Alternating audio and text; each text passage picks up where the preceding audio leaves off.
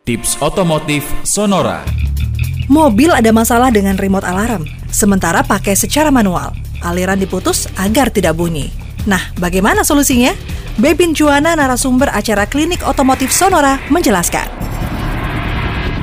Remote alarm ada dua, baterai yang di remote itu sendiri atau kontrol unitnya yang masalah supaya nggak salah-salahan baterai yang di remote-nya itu itu kan baterai nggak mahal ganti saja. Kalau anda di rumah punya multitester ukur. Itu kalau nggak salah kan CR2032 yang umum dipakai tipe baterainya. Saya bukannya tukang baterai lu ya karena saya berapa kali saya sendiri begitu. Begitu kesel ini apa lagi sih? Gitu kan. Kok nggak mau buka? Kalau nggak salah CR2032 banyak di toko kamera ada di toko banyak lah. Ini sahabat-sahabat kan malah mungkin sudah sudah akrab dengan online gitu kan. Tapi jangan merek abal-abal ya. Ini pesan saya nih pegel soalnya. Bukan pegel orangnya pegel hatinya. Baru sebentar udah soak lagi udah bersebentar merek yang yang bener lah. Ada Panasonic ada apa ya, Maxell apa apa gitu. Merek yang bener. Nggak nggak mahal.